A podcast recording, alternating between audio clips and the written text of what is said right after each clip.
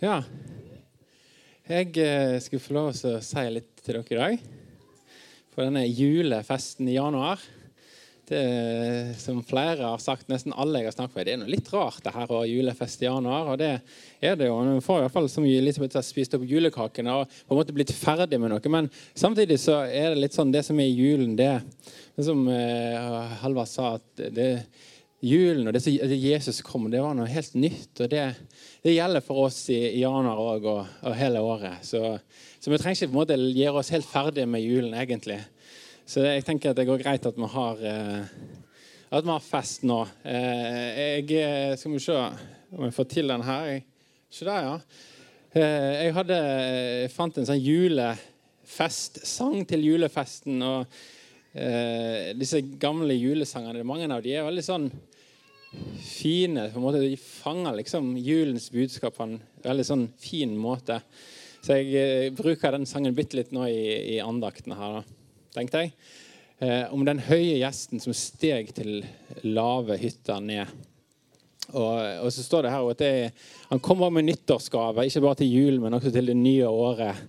Så gjelder det som han kommer. Her eh, Dette var i hvert fall det nærmeste jeg fant en sånn julekrybbe som det her.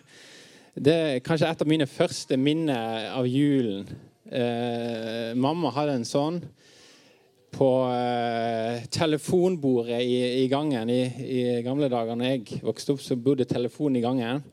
Og eh, der ved siden av den så sto denne krybben. så Den var veldig lik denne og det her var noe som jeg fant på nettet i en sånn retrobutikk. Så det her er vel sikkert egentlig en, en gammel sak. Jeg tror kanskje det var det må ha vært noe mamma fikk sikkert på søndagsskolen. Hun var søndagsskolelærer. og det var en sånn sånn, eh, som en 3D som du bretta ut. Det var i papp, og det var ikke noe fint. Jeg husker Den her ser noe egentlig litt fin ut, men den som mamma hadde, den var veldig sånn slitt og, og brukt i mange år. Så jeg er helt eh, fram til når jeg eh, kom inn i bildet og husker den her.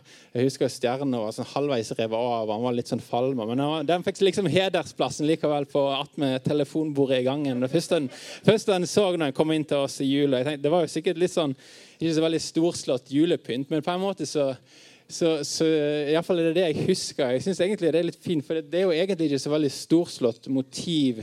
Det som på en måte var eh, der som, som, Gud ble født. Eh, når han kom til jord, Jesus, når, så, så, var det ikke noe slott han, han, ble født i. Han ble født i en, en enkel stall. og det her ser det ut som en litt sånn falleferdig skur. Jeg vet ikke helt hvordan det var, men det var i hvert fall, jeg husker, det er kanskje noe det som gjør at jeg husker den julekrybben. At han var såpass så enkel og, og, på en måte Jeg husker jeg syntes det var så rart det at Gud, eller at Jesus, ble født på denne måten. Og De, de vismennene altså, de, de passer jo ikke helt inn med gull og røkelse og fine klær. De hadde gått på slottet og lett etter Jesusbarnet, men han var ikke der. Han var i stallen. Og, og, Jeg tror ikke det er bare barn som eh, på en måte syns det der er litt sånn eh, rart. Det står jo òg i en annen julesang som jeg syns er veldig fin. Eh, men under uten like, hvor kan jeg vel forstå at Gud av himmelriket i stallen ligger? Må, vi skulle Herres sala i smykket for deg stå. Du hadde å befale alt hva du pekte på. En spurv har dog sitt rede og sikre hvilebo. En svale må jeg be deg om nattely og ro. En løve vet sin hule hvor den kan hvile få. Men skal da mon Gud seg skjule i andres stall og strå. Eh, en annen ting som jeg eh, husker veldig godt eh, fra jeg var veldig liten, fra jul, det var juleheftet. Eh, jeg tror Grunnen til at jeg husker det, er at vi tjente penger for de der juleheftene. Det var sånn, vi gikk rundt og solgte julehefter, så fikk vi noen kroner for hvert vi solgte. da.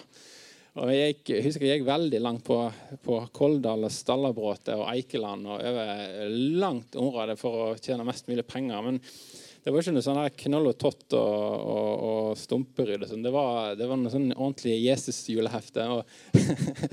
jeg husker én ting inn i et av de der juleheftene. En historie. Jeg husker ikke så veldig godt, men jeg husker at den at det var en, en liten gutt som, eh, som eh, også syntes det var så rart, det med Jesus, at ikke han hadde noe plass å bo Han hadde ikke han hadde bare en stall. Han hadde hørt den historien, sikkert, så tenkte at her må jeg, jeg må prøve å bygge et hus til Jesusbarnet. For han har jo ingen plass å bo.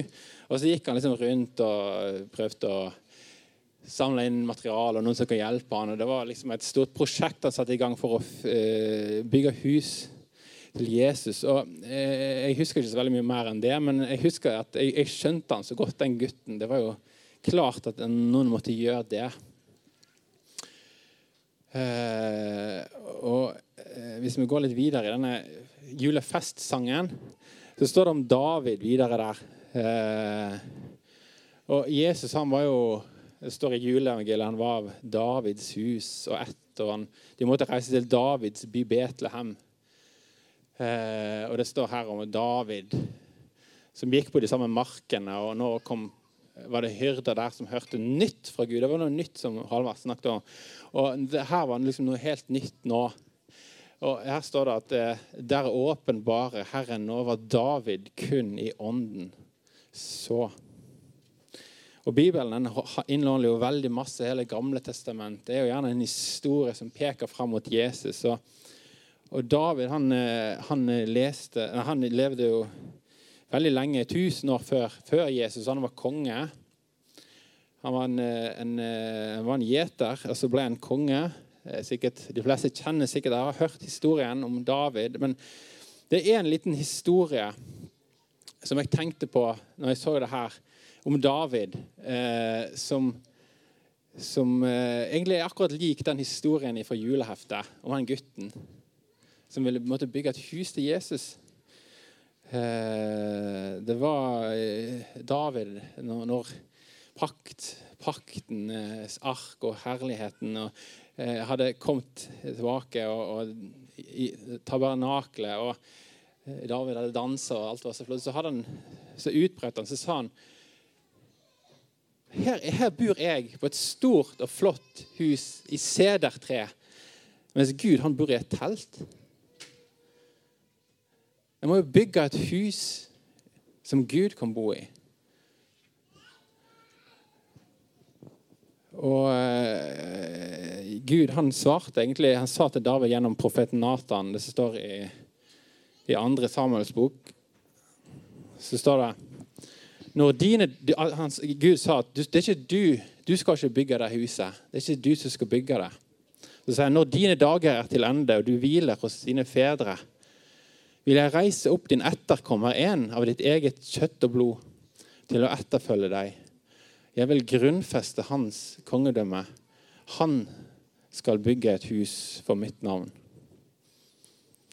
Og det her er noe av det som er så spennende med Bibelen. at det, det er så mye du kan oppdage, så mye fint. Og det her er et sånn vers som kanskje har som egentlig er eh, mange eksempler på det. En sånn dobbel betydning. For Det handler jo om Salomo, sønnen til David. Han bygde huset til Gud. Han bygde tempelet som ikke David eh, fikk bygge. Og Gud, han, Gud han var med han, Gud viste han hvordan det skulle være. Og, og, og, Han bygde et stort og flott hus. Et tempelet, det første tempelet som Gud kunne bo i. Men det var, det var, ikke helt, det var ikke det huset som Gud egentlig Det var ikke det endelige boligen som han ville bo i. Eh, for eh, blant annet, peker jo egentlig mot dette verset og sier at egentlig så handler det om en annen Davids sønn. Jesus han, han blir jo i, i, mange plasser i evangeliet kalt for Davids sønn. Og at han at det her egentlig også det er et bilde, noe som peker fram til Jesus som skulle komme. Og at han skal bygge dette huset, det endelige boligen som, som, eh, som Gud skulle bo i. Og Jesus han var jo en snekker, sønn av en snekker, så han hadde jo et ganske greit utgangspunkt for, for, å kunne bygge et sånt hus, kanskje. Men, eh, men, for å forstå hva det handler om, så må man kanskje forstå hva som var galt med det, det huset som Salomo hadde bygd. Det flotte, store tempelet. Det var ikke noe stall eller noe, noe på en måte uverdig. Det var et stort og flott bygg. Og På Jesu tid så var riktignok det ødelagt. Så var det bygd opp et enda større og flottere nytt tempel som Herodes hadde bygd. Det var skikkelig staselig og flott. Hva som var galt med det? Er det noen som vet hva som var galt med det?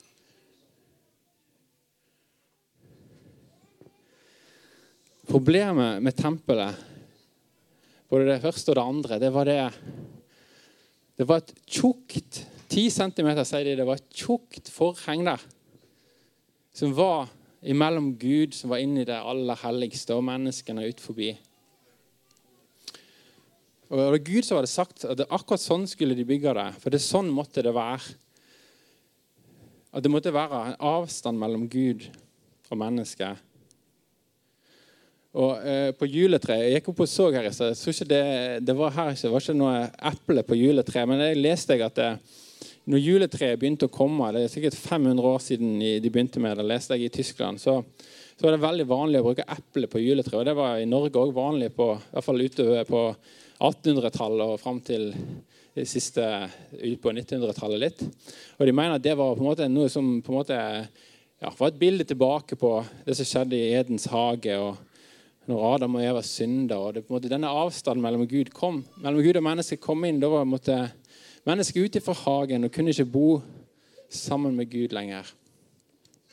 Og Det var dette som på en måte var problemet med tempelet. At det, det forhenget var der. og det, var derfor på en måte det står her at eh, i dette verset, denne doble betydningen, at denne David syntes som skulle komme langt der framme, skulle bygge dette huset som verken denne gutten i juleheftet eller, eller David eller Salomo klarte å bygge.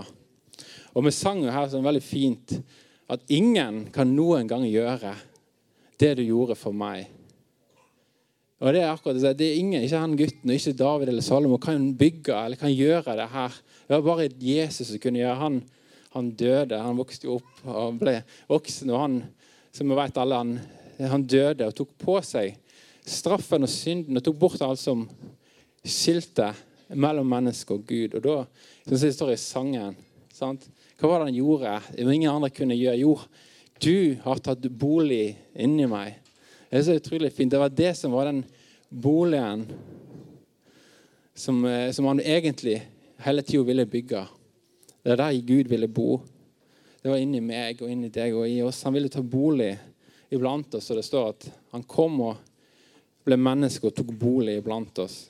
Da står det videre i sangen her, en julefestsangen var at Kom, Jesus, vær vår hyttes gjest. Hold selv i oss din julefest. Det er liksom det som er den julefesten. Det er det som virkelig er som, Den julefesten som, som, Jesus ville ha, det var i oss.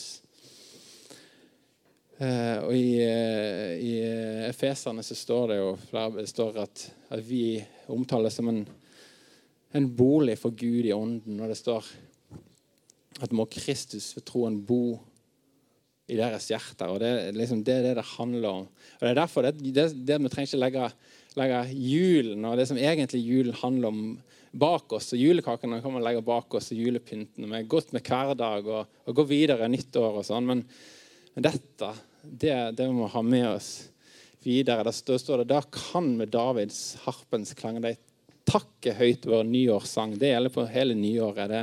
Og det var så godt at vi hadde begynt julefest med liksom å takke og lovsynge. For det, virkelig, det hører virkelig med til det julens budskap, som er dette at Gud har kommet og blitt menneske og tatt bolig blant oss. Og Det står også videre i den andre sangen som jeg hadde her. sant? Å, kom jeg opp vil lukke mitt hjerte og mitt sinn og full av lengsel sukke. Kom, Jesus, dog her inn. Det er ei fremmed bolig. Du har den selv jo kjøpt. Så skal du bli vetrolig her i mitt hjerte søpt. Og Hvis det er dette her julen handler om, så, så passer det godt med, med, julefest både i januar og, og, og februar og, og, mars og april og hele året.